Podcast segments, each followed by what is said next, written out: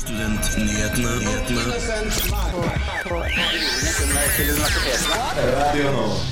To studenter har nylig blitt dømt for fusk på eksamen i tingretten.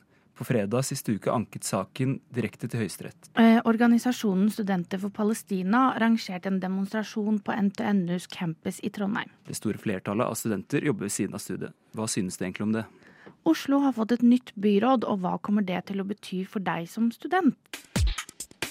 Vi må innom det aller helligste temaet blant studenter. Det er jo studiestøtte. Studiestøtte. Har du ikke hørt det? Det aller helligste temaet blant studenter. Studentnyhetene hver fredag fra 11 til 12 på Radio Nova. Det er helt riktig. Du lytter til Studentnyhetene, og mitt navn er eh, Sigrun. Og jeg har lyst til å ønske deg en riktig god fredag, men jeg er jo ikke alene i studio. Jeg har med meg Eivind. Hei, Eivind. Hei! Eh, vi har eh, mange spennende saker eh, for deg i dag, som du akkurat hørte, så jeg anbefaler deg å bare lytte videre.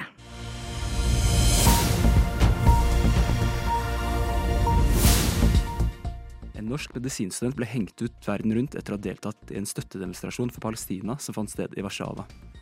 Studenten ble avbildet med en plakat som illustrerte israelske flagget, ble kastet i en søppelbøtte. Bildet gikk viralt, og dette førte til at medisinstudenten ble hengt ut verden over.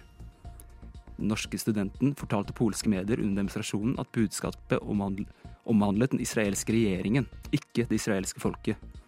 Hun understreket at, at hun demonstrerte på det hun omtalte som et folkemord mot palestinsk sivilbefolkning. Kvinnen fortalte TV 2 at hun i etterkant av hendelsen har mottatt tusenvis av hetsende meldinger, deriblant en rekke drap drapstrusler. Saken er hentet fra TV 2. 10 000 studieplasser står tomme. Det viser tall fra Direktor Direktoratet for høyere utdanning og kompetanse. Lærerutdanninger og utdanninger i pedagogikk har høyest andel tomme studieplasser. Sykepleierstudiet og barnehagelærerutdanningen er også profesjonsutdanninger som sliter med å rekruttere nok studenter. Det var Krono som først omtalte denne saken. Tall fra SSB viser at utdanningsvalg i stor grad er påvirket av foreldrenes utdanningsbakgrunn. Blant studenter med foreldre som har videregående utdanning, er det bare 14% som ender opp med en lengre utdanningsgrad. Ifølge sosiolog og forsker Juni Katrine Lie kan overgangen til universitetet være spesielt stor for de som opplever at den akademiske verden skiller seg fra oppvekstmiljøet man kommer fra. Det var Universitas som først omtalte denne saken. Dette var ukens nyhetsoppdatering, og mitt navn er Eivind Christensen Vangsnes.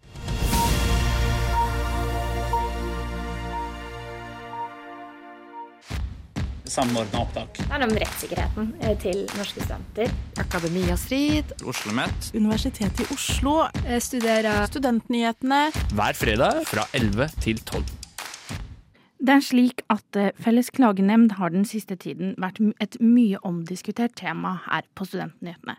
Nå har to studenter som nylig tapte sine fuskesaker i tingretten, anket saken sin direkte til Høyesterett. Tirsdag denne uka ble det gjort kjent at to studenter som tidligere er blitt tatt for fusk på eksamen, anker fuskesakene sine direkte til Høyesterett etter at de tapte sakene i tingretten. Saker som når Høyesterett må ha en stor prinsipiell betydning, og normal praksis ville vært å la sakene gå gjennom lagmannsretten, som er det andre nivået i den norske domstol- og ankedomstolsystemet vårt, før de eventuelt hadde blitt tatt med videre til Høyesterett, som er det tredje og siste nivået i systemet. Snorre A. Christiansen, som representerer de to studentene i saken, forklarer at etter hans mening rommer denne saken mer enn bare fuskeanklager. Han forklarer i et intervju med VG at det bl.a. handler om rettssikkerheten til vanlige borgere, men at man også kan reise spørsmål om saken står i strid med menneskerettighetene. De fleste studenter som blir straffa for fusk på eksamen, blir utestengt fra all utdanning i to semestre, og ifølge menneskerettighetserklæringa står retten til utdanning som et del av punktene deres.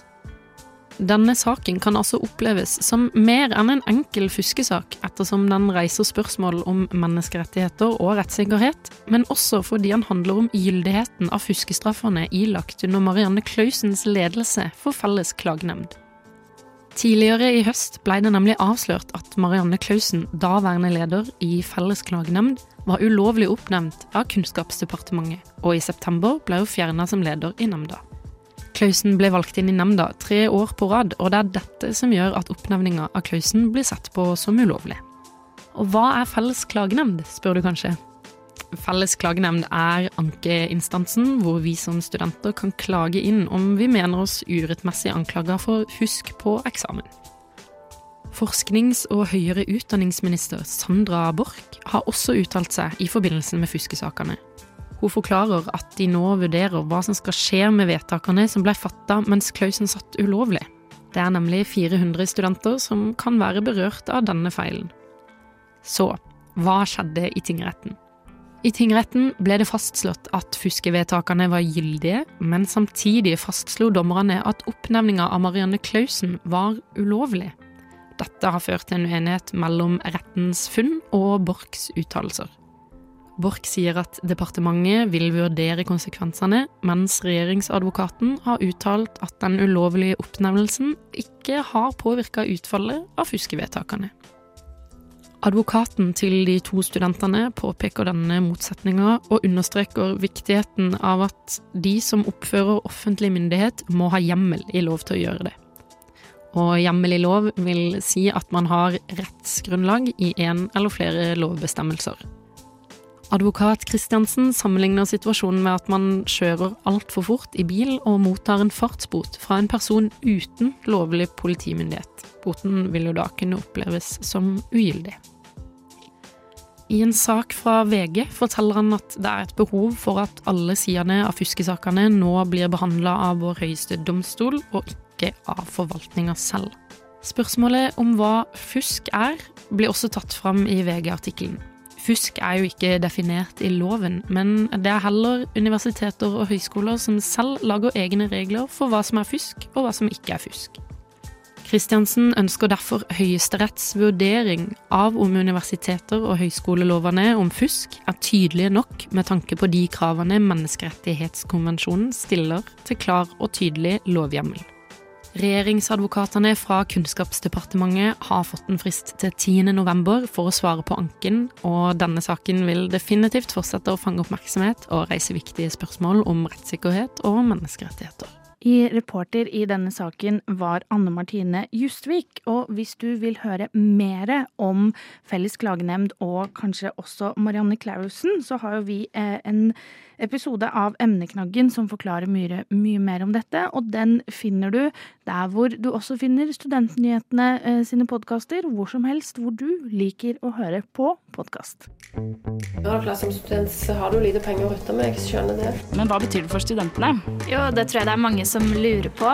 Tusen takk for at du har hørt på Studentnyhetene. Fredag 20. oktober ble det arrangert en demonstrasjon på NTNUs campus i Trondheim og den var det Studenter for Palestina som sto bak. Dette er en undergruppe i Palestinakomiteen som arbeider for å spre informasjon om situasjonen i de okkuperte palestinske områdene og staten Israel. Magnus Barka Gjelle er leder for Studenter for Palestina, og han har vi i Studentnyhetene tatt en liten prat med. Og Han forteller da at uh, grunnen til at de hadde denne demonstrasjonen, var for å skape oppmerksomhet rundt krigen i Gaza, og for å demonstrere mot at NTNU samarbeider med israelske institusjoner. Og Da sikter han til at NTNU har en utvekslingsavtale med et universitet i Israel. Og Gjelle mener da at israelske myndigheter er, skyld, skyldige i en rekke menneskerettighetsbrudd på Gazastripen. Han sier at israelske myndigheter er skyldige i bombeangrep mot sivilbefolkningen og hindring av humanitærhjelp til krigsofre gjennom Israels blokade på Gaza. Og han mener også at de bryter folkeretten gjennom okkupasjon av palestinske landområder. Og Gjelle tar da til orde for at Norge burde ta samme standpunkt som de gjorde mot Russland da de invaderte Ukraina, og kutte all akademisk samarbeid med Israel. Bakgrunnen til eh, denne demonstrasjonen er jo da at konflikten på Gaza har blusset opp igjen. Og det skjedde etter at eh, Hamas 7.10 eh, gjennomførte flere koordinerte angrep mot Israel som resulterte i 1400 døde israelere, veldig mange av dem sivile.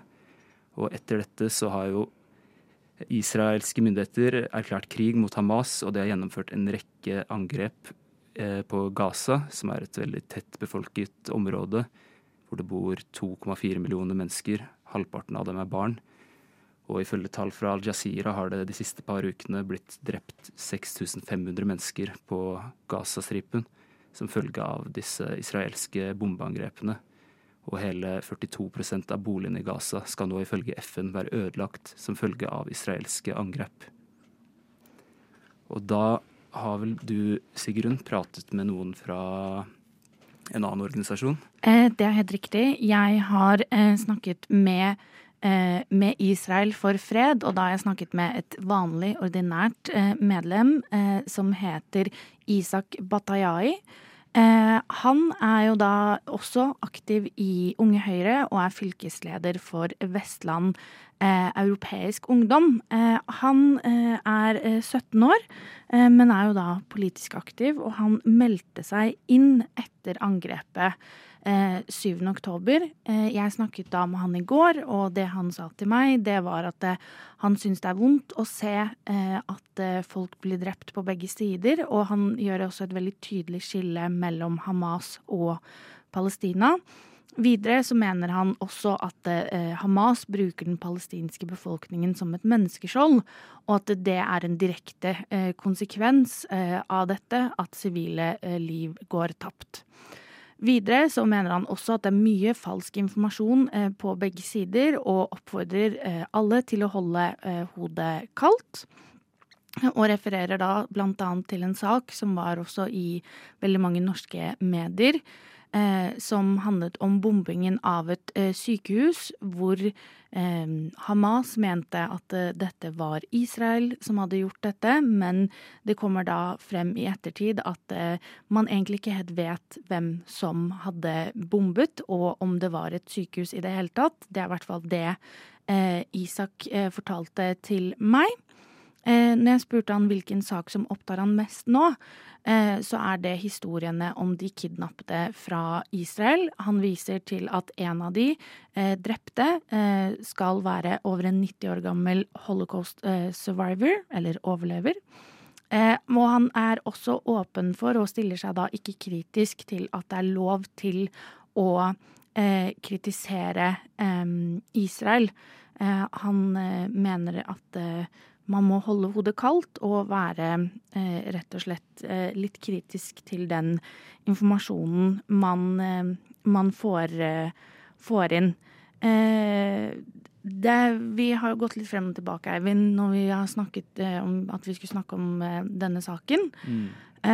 og mitt hoved, hovedelement, som er det jeg sitter igjen med med denne konflikten er, og krigen, pågående krigen, er jo at eh, vi får jo ekstremt mye informasjon inn eh, fra ulike nyhetsmedier og den type ting.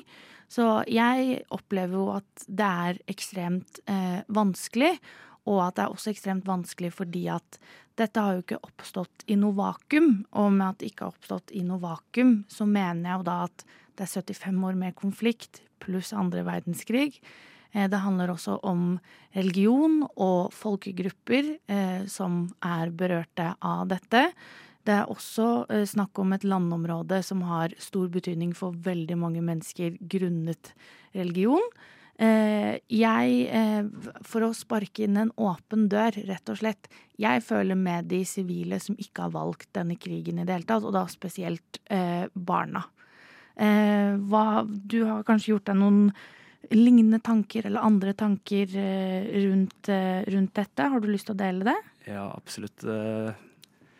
Selvfølgelig så må man jo tenke at norske myndigheter må fordømme drap på sivilbefolkningen, uansett hvilken part av konflikten som står bak dette. Og så syns jeg det er, et, det er et interessant tankekors det gjelder da, med at regjeringen frøs all forskning og utdanningssamarbeid med Russland da de invaderte Ukraina.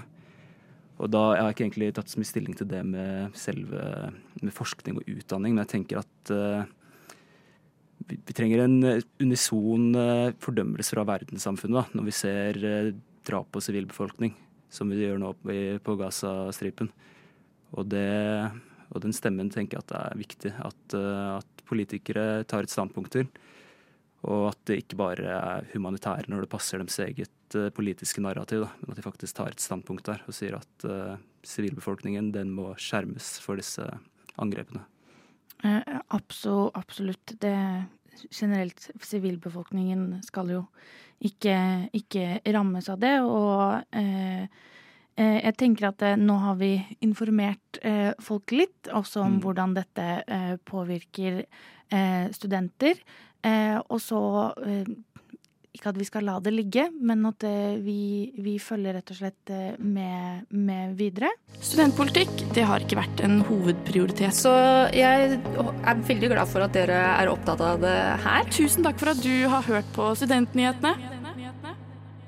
Det er kjent at de fleste studenter jobber ved siden av studiet, men hvordan påvirker dette studentene? Vi sendte Elias opp på Blindern for å ta tempen på studentenes tanker om jobb og studiebalansen. En stor undersøkelse gjort av Lånekassen viser at nesten ni av ti studenter jobber ved siden av studiene for å få det til å gå rundt. Mens forskning- og høyere utdanningsminister Sandra Borch fra Senterpartiet mener at dette er sunt for studentene og gir dem en fordel senere på arbeidsmarkedet, mener Norsk studentforening at den nåværende situasjonen ikke er holdelig. Foreningens leder Oline Sæter mener at studiestøtten bør økes kraftig, ettersom studentene bruker mer og mer tid på å jobbe og mindre tid på studier. Men eh, hva syns studentene selv?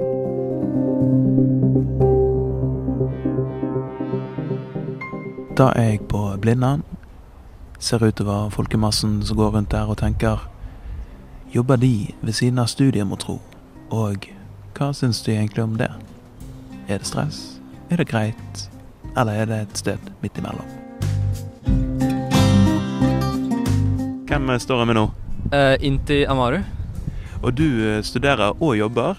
Uh, ja, jeg studerer lektorprogrammet og jobber som kasserer på Rema 1000 ved Sagene området.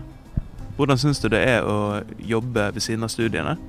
Eh, det er helt OK. Jeg jobber ca. to ganger i uka, onsdager og lørdager.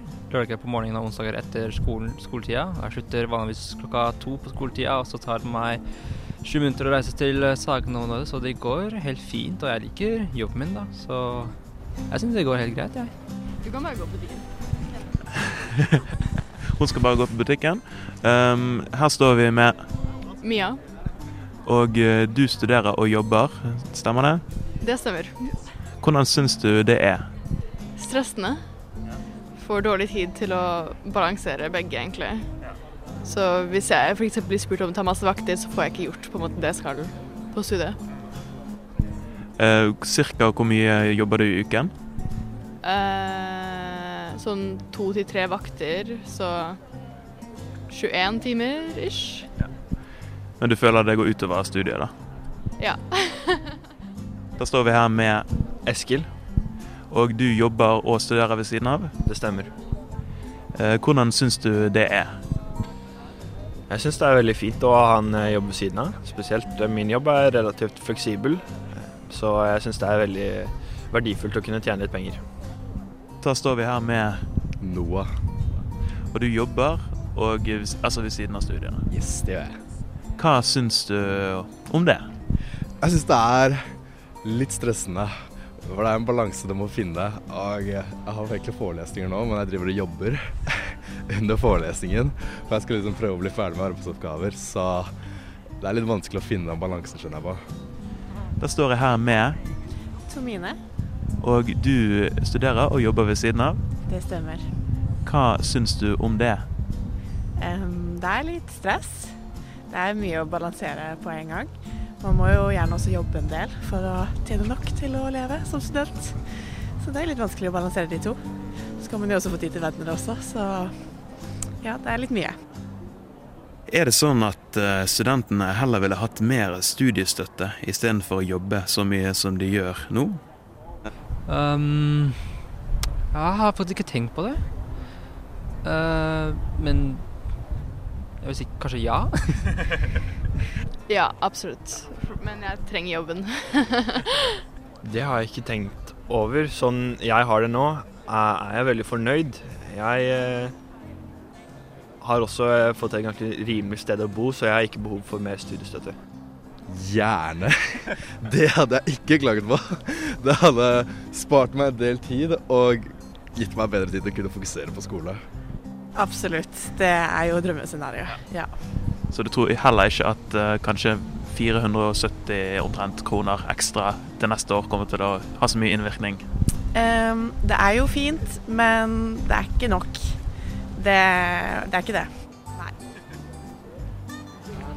gjerne. Det hadde jeg veldig, veldig likt. Uh, men uh, jeg, jeg, jeg, forstår at politikken er veldig vanskelig. Uh, men jeg hadde gjerne likt det. Fordi det å ha to jobber ved siden av studiet tar jo veldig mye, fri, tar veldig mye tid fra fritiden min til å kunne lese.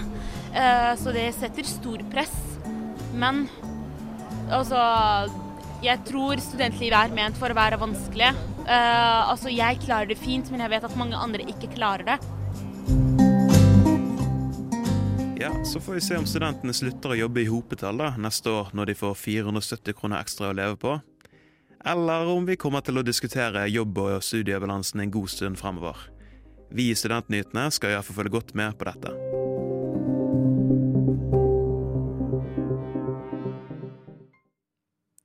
Innslaget var av og med Elias Fjelstad. Takk til alle studentene på Blindern som stilte til intervju. Har dere Senterpartiet glemt studentene når dere skrev deres valgprogram for Oslo? Altså, mulig, men Studentnyhetene. Vi er nyhetsprogrammet av og med studenter. Hver fredag fra 11 til 12 på Radio Nova. Denne uken, på mandag for å være helt presis, så ble det jo klart at eh, Oslo har fått et nytt bystyre. Eh, og eh, vi har jo fulgt eh, lokalvalget i eh, Oslo og eh, Akershus en god stund, men vi skal nå snakke om Oslo sitt nye byråd, og spesifikt hva denne Hammersborgserklæringen eh, sier, om, eh, sier om nettopp studenter. Det nye bystyret vil jo da bestå, eller det består, av Høyre og Venstre, og har støttepartiene KrF og Frp. Eh, og det som er, eh, det er at det, det, som står spesifikt om studenter, det er ca. på en halv eh, side. Og eh, det de vil, da, det er at eh, de eh, vil satse på Oslo som en attraktiv by for både nasjonale og internasjonale studenter, og jobbe aktivt og målrettet for å utvikle Oslo som en kunnskapshovedstad. Kommunen har også et ansvar for å legge til rette for kunnskapsmiljøer i øvre klasse for å trekke, eh, for å trekke disse studentene til oss. Det de da annet vil, det er at de har lyst til å legge frem en studentmelding med en helhetlig strategi for å videreutvikle Oslo som en attraktiv og internasjonal studentby. Legge til rette for flere studentboliger og jobbe aktivt med studentenes behov i byplanlegging. Eh, tilby salg av eh, Hagegata 30 til SIO for å utvikle studentboliger. Dette er jo da det bygget på Tøyen torg eh, som Oslo kommune i lang tid har slitt med å vite hva de skal gjøre. Det har tidligere vært kommunale boliger der. De har lyst til å støtte SIO sitt arbeid med et felles samlingssted for studenter og invitere staten til å finansiere deler av dette prosjektet, slik som eh, samfunnet i Trondheim er. er eh, tenker jeg at de refererer til Studenthuset, som driver og planlegges på Tullinløkka. De vil også støtte SIOs tilbud om eh, psykisk helsehjelp til studenter. Åpne for at ubrukte kommunale eiendommer selges eh, slash eller leies ut til studentsamskipnaden. Og begrense kostnader knyttet til eh, rekkefølgekrav av bygning av studentboliger. De har også lyst til å iverksette tiltak som gjør det da attraktivt for studenter å melde flytting til Oslo. Så Eivind, hva tenker du om det jeg akkurat har fortalt deg? Nei, jeg tenker jo at uh, flere studentboliger er veldig positivt. Det er noe vi sårt trenger i Oslo. Det er jo en, Alle som bor i Oslo vet jo at det er kjempedyrt, og for studenter med dårlig økonomi så kan det være vanskelig på et privat marked. Om, det, og om at dette skal gå på bekostning av kommunale boliger, det er jeg litt mer usikker på om er en god idé. Jeg tenker at Det er jo en gruppe i samfunnet som har behov for kommunale boliger.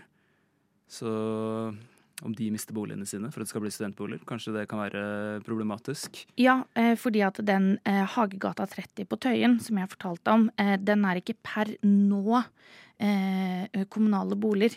Men den har vært det tidligere, og det er der det har vært litt frem og tilbake om hva de skulle gjøre med den. Skulle de gjøre det til en sånn noen kommunale boliger, noen, at noen kunne kjøpe de. De var mye frem og tilbake der.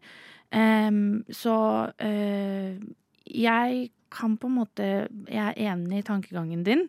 eh, om at eh, man på en måte overlater At man på en måte eh, flytter litt problemet. At man setter nesten to litt sånn sårbare grupper som ikke har den beste økonomien, litt mot hverandre.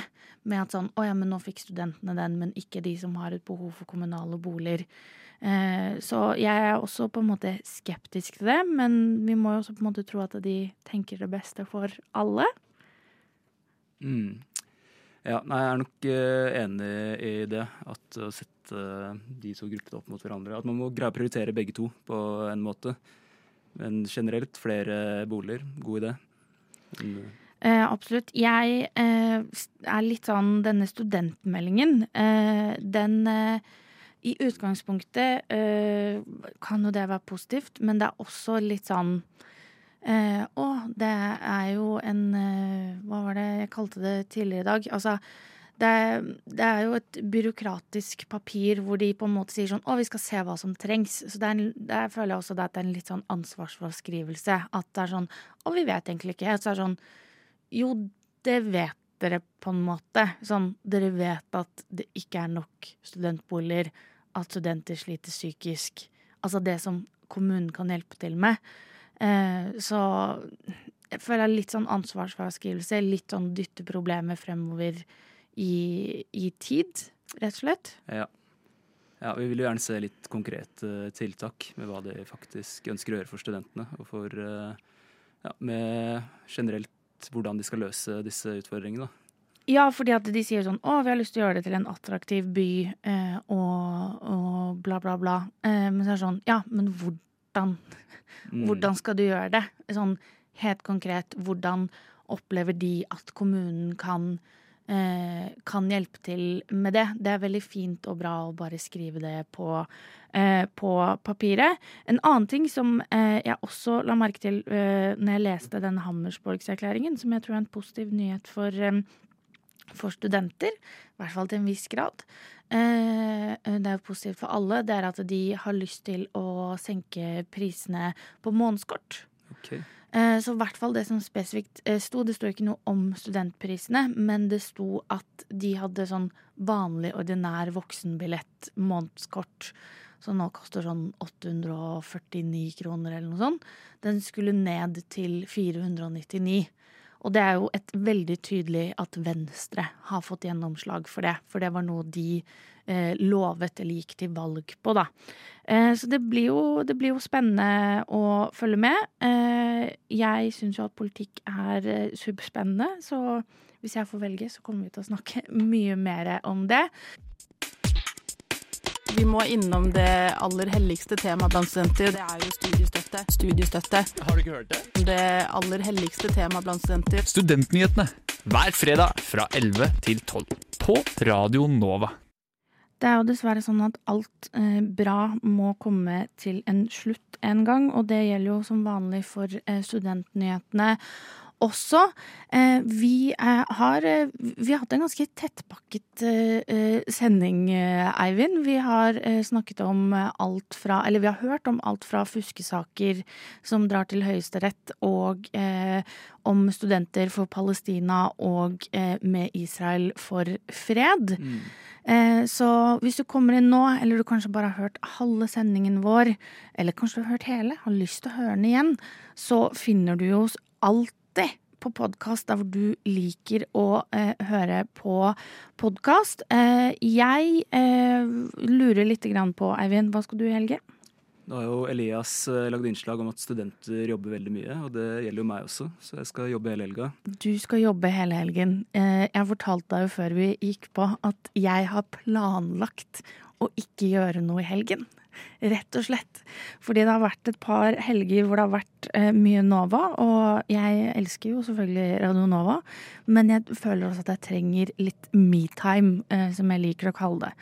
Eh, og Taylor Swift har jo akkurat eh, sluppet re-release av 1989, eh, så det skal gå på repeat hjemme hos meg mens jeg ikke snakker med noen. Så det Åh, jeg skal ha en drømmehelg, rett og slett. Har du en sak eller en eh, person eller en professor eller en forsker eller seminarleder som du vil at eh, vi skal ta kontakt med, så kan du enten slide inn i DM-ene våre på Instagram, eh, der heter vi Studentnyhetene, eller så kan du sende oss en e-post på studentnyhetene at Radio Nova. Da vil jeg egentlig bare at vi skal si tusen takk for i dag og ha det bra. Som vanlig avslutter vi eh, Studentnyhetene-sending til med sangen til eh, Selma Bull, gamle, eh, an, eh, gamle nyhetsredaktør. Og hennes favorittsang det er jo nemlig ostesangen av Køber. Da sier vi ha det bra, Eivind. Ha det bra. Takk for i dag.